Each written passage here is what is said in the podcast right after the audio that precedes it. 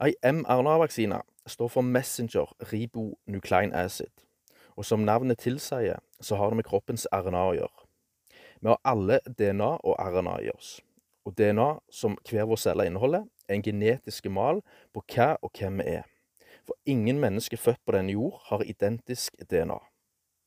RNA derimot, det er per definisjon et molekyl eller molekyler som ved hjelp av aminosyre produserer fram proteinet som henvist av DNA-et. Altså, det er en kopi av DNA-et. Så ei mRNA-vaksine den inneholder syntetiske molekyler som skal inngå med kroppens egne celler, og ved hjelp av RNA-et danne nye syntetiske proteiner, som skal virke mot et såkalt virus. Dette oppnås ved at en injiserer nanopartikler inn i cytoplasma, som vil si mellomrommet inni cella.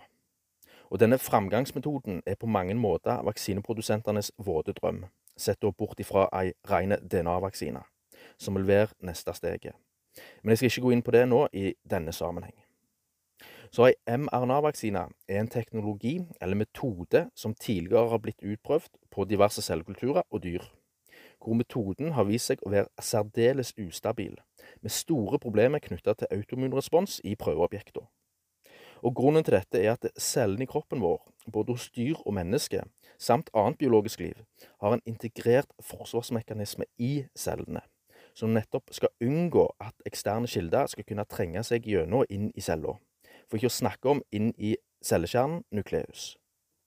Dersom dette forekommer, som ved ei mRNA-vaksine, så vil den eksterne kilden som trenger seg inn, påvirke organismen i så stor grad at ens arvestoff, som DNA med RNA, blir reversibelt og for alltid genmanipulert. Dette er faktisk ikke skriptet til en dårlig science fiction-film.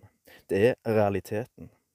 Så et resultat i, i forbindelse med framstillinga og bruken av mRNA-vaksiner har og fortsatt er sterke negative bivirkninger for kroppen den kjemper iherdig imot den injiseringa av syntetiske virkestoffer som sprøyta tilfører cella, og da vil det uten tvil forekomme inflammasjon som et resultat. Det skal òg nevnes at mRNA-sprøyta er en alternativ behandlingsform utført på kreftpasienter, som da en siste løsning. Hvorav meninga bak er at de syntetiske proteinene som da dannes, teoretisk skal kunne være med på å genmanipulere pasientens genom i den grad at kreftdiagnosen muligens utbedres. Men da selvfølgelig uten noen garanti på at det fungerer, eller at alvorlige bivirkninger, akutt eller kronisk, ikke oppstår. Forstå meg rett her.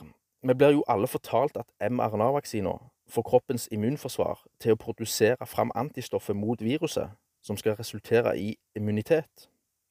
Men det eksisterer per dags dato ingen vitenskapelige bevis på at mRNA-vaksiner får kroppens egne celler eller immunforsvar til å produsere fram antistoffet mot antigenet, som da defineres som spike-proteinet.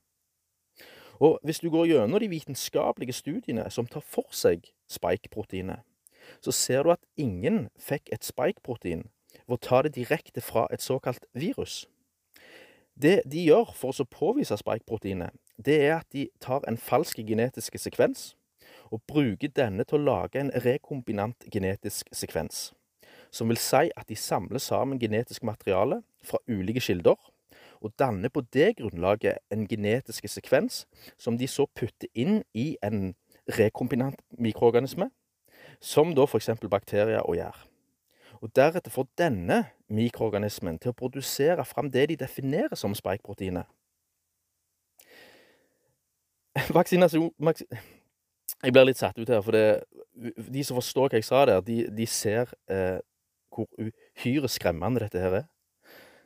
Vaksineprodusentene de beskrev selv i dokumentasjonen som ble framlagt når vaksina først ble rullert ut, at mRNA-vaksina vil ikke kunne gi en immunitet men det ble spekulert i at den muligens ville kunne lindre symptomer på covid-19, og kun det. Når det er sagt, så er mRNA-vaksina den første av sin sort til å testes ut på menneskeheten, samtidig som man er rullert ut ekstremt raskt.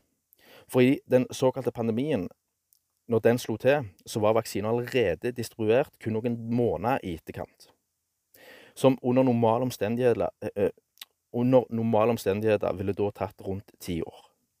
Og den eneste grunnen til at denne form for vaksine i det hele tatt kan rulleres ut, er av retningslinjene som ellers er gjeldende, vil under en krisesituasjon sløyfes, siden unnskyldninga ironisk nok er at folk vil dø dersom tiltak ikke iverksettes.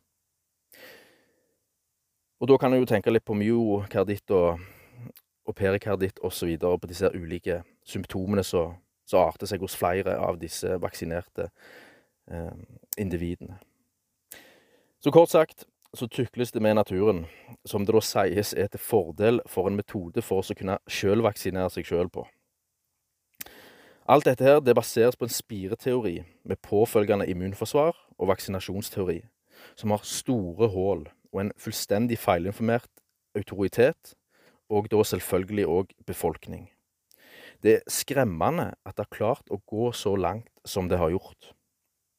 Vi har ikke kommet til denne her fantastiske verdenen for å måtte sette nåler i oss, for å kunne overleve. Og hvis unnskyldninga er at vi lever i en verden med forurensninger overalt, som vi faktisk gjør, så er ikke svaret farmasiindustrien sin vaksinasjon.